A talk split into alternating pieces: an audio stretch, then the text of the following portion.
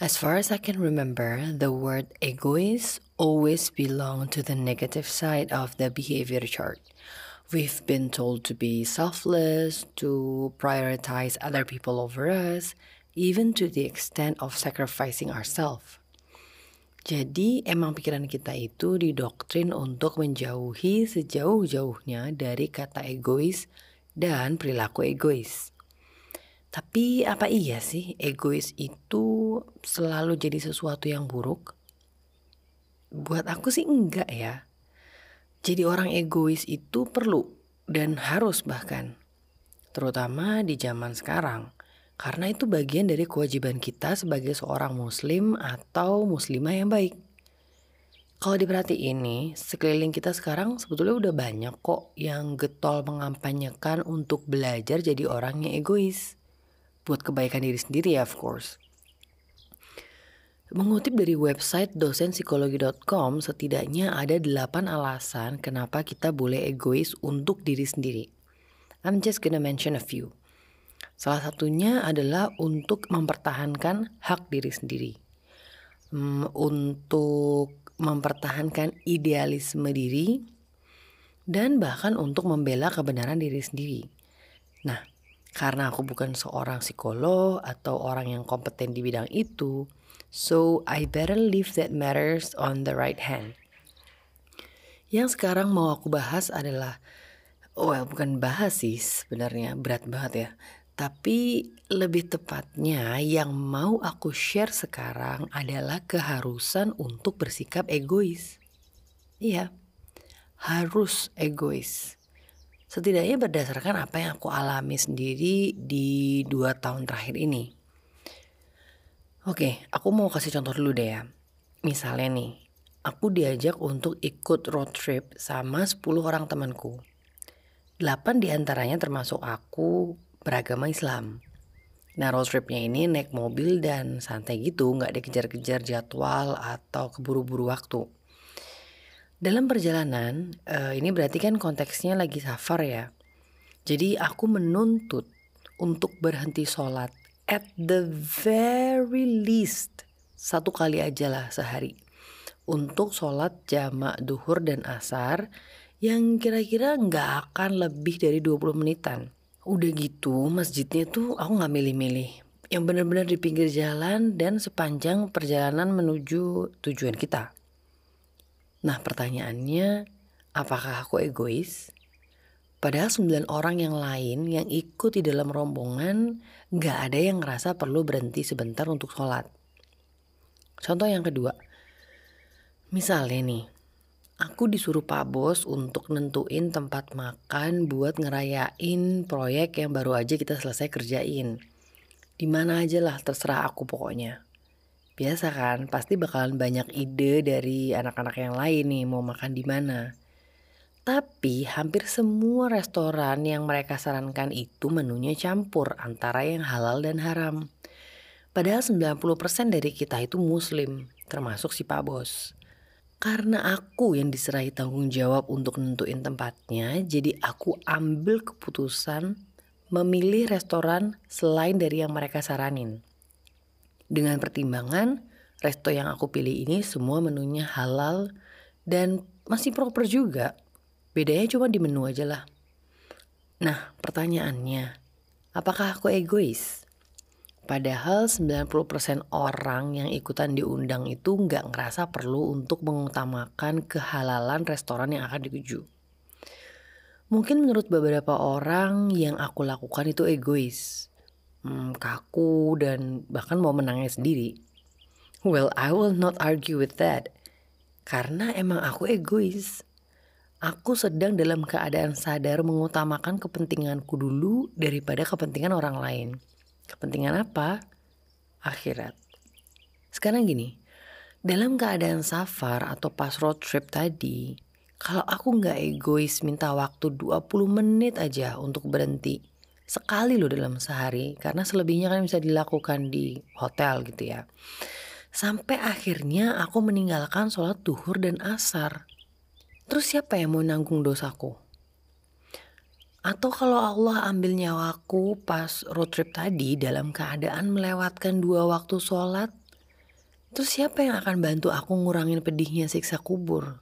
Dan aku bisa aja milih untuk gak ikut makan di restoran yang menunya campur antara yang halal dan haram tadi. Tapi aku duduk di situ. Aku lihat dengan mata kepalaku sendiri teman-teman muslimku makan dan minum yang Allah haramkan.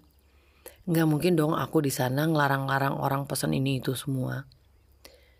Ya tapi itu kan dosa mereka sendirinya. Aku yang dulu pun akan mikir kayak gitu. Tapi tahu gak sih, setiap dari kita akan dimintai pertanggungjawaban atas semua keputusan kita di dunia. Apa hujahku coba di hadapan Allah nanti karena memilih restoran yang bercampur antara halal dan haram sehingga terbukalah pintu-pintu dosa untuk teman-temanku yang lain. Tahu kan, memfasilitasi orang untuk berbuat dosa itu juga sebagian dari dosa. Ya walaupun kita nggak ikut ngerjain. Begitu juga dalam kehidupan berumah tangga. Kita harus egois sama akhirat kita, sama pahala kita. Kalau dulu awal menikah masih awam sama ilmu agama dan dalam perjalanannya, hmm, misalnya si suami pelan-pelan mulai belajar ngaji nih. Akhirnya mulai tahu kan mana-mana yang boleh dilakukan dan yang gak boleh dilakukan. Nah, sebagai seorang kepala rumah tangga atau imam bagi keluarganya, si suami akan berusaha ngajak istrinya juga untuk berubah menjadi lebih baik. Nah kalau si istri menolak atau masih belum mau berubah, ya nggak ada alasan uh, dia untuk ngerasa kayak Ya udah deh kalau gitu aku berubahnya ntar aja bareng sama istriku. Gak ada. Dia harus egois untuk akhiratnya sendiri. Kalaupun istrinya masih belum bisa berubah, setidaknya dia udah berubah jadi orang yang lebih baik dan terus bersabar mendakwai istrinya dengan akhlak yang baik. Atau sebaliknya, ketika si istri udah lebih dulu belajar ngaji, terus mulai belajar nutup aurat atau bahkan langsung jadi jauh lebih syar'i. Tapi terus suaminya ngelarang. Ya nggak usah didengerin. Karena menutup aurat itu perintah Allah dan enggak boleh seseorang patuh kepada siapa pun dalam hal-hal yang menyelisihi syariat Islam. Kalau karena perubahan itu suami malah jadi um, berubah perilakunya ke kita, jadi benci, bahkan sampai cari perempuan lain di luar sana, ya kita harus jadi orang yang egois sama akhirat kita, sama pahala kita. Caranya gimana? Ya dengan tetap terus berbuat baik dan bersabar. Terus melakukan kewajiban kita sebagai istri. Walaupun suami selingkuh terus marah-marah gitunya. Lah, emang apa hubungannya sama kewajiban kita sebagai istri? Buruknya kelakuan suami itu nggak serta-merta menggugurkan kewajiban kita sebagai istri loh. Yang ngatur kewajiban kita itu siapa? Allah kan? Yang ngitung pahala sama dosa kita itu Allah juga kan, bukan suami. Jadi apa pun yang suami lakukan itu nggak ada hubungannya sama apa pun yang Allah perintahkan sama kita. Kalau suami nggak menunaikan tanggung jawabnya ke istri, siapa yang dosa coba? Suami kan? Kalau saat itu istri bersabar, siapa yang dapat pahala? Istri. Tapi kalau si istri ikut-ikutan abai sama apa yang menjadi kewajibannya, siapa yang dosa? Istri lah. Bayangin, udah tersakiti dapat dosa pula. Rugi bener. Dunia enggak dapet, akhirat juga lepas. Teori mah gampangnya. Sekarang aja lu bisa ngomong kayak gini. Belum pernah ngerasain langsung sih. Loh, Justru aku baru berani share tentang ini sekarang karena aku alhamdulillah udah lihat dengan mata kepalaku sendiri bahwa ada istri-istri soleha yang sekuat, sesabar dan sehebat ini. Bukan cuma cerita di Indosiar doang ya, tapi real. Beneran dan semoga Allah senantiasa merahmati mereka. Lagi pula teori ini bukan hasil dari buah pikiranku kok karena aku iki sopo cuma seseorang yang fakir ilmu yang ilmunya tuh gak ada seujung kuku lah bahkan merasakan berumah tangga pun belum bener aku tuh cuma menyampaikan kembali apa yang dipelajari dari guru-guru kita yang bersumber dari Al-Quran dan hadis insya Allah. Masalah susah dan berat mah ya wajar banget ya. Hadiahnya surga loh. Kalau gampang dan ringan mah hadiahnya sabun colek B29 yang panas di tangan itu. Well, what I'm trying to say is, we have to be a selfish person when it comes to akhirah when it comes to collecting good deeds or reward from Allah Subhanahu wa taala. Egois untuk akhirat ini bukan berarti dengan memaksakan kehendak sampai menghambat orang lain untuk melakukan kebaikan ya. Atau bahkan sampai menzolimi hak-hak orang lain. Enggak. Tetap sesuai dengan koridornya masing-masing. Orang tua melarang anaknya untuk kebaikan, suami melarang istrinya untuk kebaikan, Istri mengingatkan suaminya dalam kebaikan, dan teman mengingatkan teman lainnya. Jadi orang yang egois, jangan mau membagi pahala kita ke orang lain. Kalau ada orang yang jahat sama kita, kejar pahala sabarnya. Jangan malah transfer pahala ke dia karena kita ikutan ngebales jahat juga. Orang mati-matian bahkan ada yang sampai bunuh-bunuhan untuk mempertahankan tabungan uangnya atau hartanya gitu. Padahal uang juga nggak akan bisa dibawa mati kan? Nah, masa kita nggak bisa sih mati-matian ngekepin pahala kita?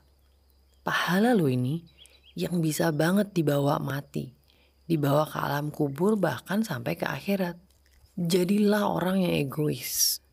Terus cari ladang pahala, sesulit apa pun situasinya. Ubah cara pikir dan cara pandangnya. Kalau anak milenial sepanjang mata memandang kan yang terlihat adalah cuan-cuan-cuan. Semua bisa dijadiin cuan. Nah, harusnya kayak gitu juga cara kita melihat pahala. Yang orang lain lihat sebagai penipuan, yang kita lihat pahala ikhlas. Yang orang lihat sebagai fitnah atau pencemaran nama baik, yang kita lihat pahala sabar. Yang orang lihat sebagai perselingkuhan, yang kita lihat pahala dakwah. Yang orang lain lihat itu adalah istri yang lemah, yang kita lihat adalah pahala istiqomah dalam ketaatan menunaikan apa yang menjadi kewajiban kita. Jadilah orang yang egois. Kalau orang tua kita, pasangan hidup kita, teman kita masih belum mau diajak ngaji bareng, ya kita jalan terus. Jangan jadikan itu alasan untuk menunda belajar agama, sambil juga tetap menunaikan kewajiban kita ke mereka. Karena di akhirat nanti, semua orang pun akan menjadi sangat egois. Lebih egois dari semua jenis keegoisan yang pernah kita lihat di muka bumi ini. Seperti yang dijelaskan pada surat Abasa ayat 33 sampai 37. Artinya bisa kita lihat di Al-Quran ya. Tapi aku akan membacakan tafsirnya yang aku ambil dari tafsir As-Sa'di karya Syekh Abdurrahman bin Nashir As-Sa'di. Bila teriakan hari kiamat tiba yang memecahkan telinga karena huru haranya dan menggetarkan jiwa pada hari itu karena huru hara yang disaksikan, serta amat memerlukannya manusia pada amal perbuatannya terdahulu, seseorang akan lari meninggalkan orang yang paling mulia baginya dan yang paling disayanginya. Seseorang akan lari meninggalkan saudara, ibu, ayah, istri, dan anaknya. Hal itu terjadi karena setiap orang dari mereka pada hari itu mempunyai urusan yang cukup menyibukkannya, yakni disibukkan oleh diri sendiri dan sibuk untuk membebaskan dirinya sehingga ia tidak bisa beralih pada yang lain.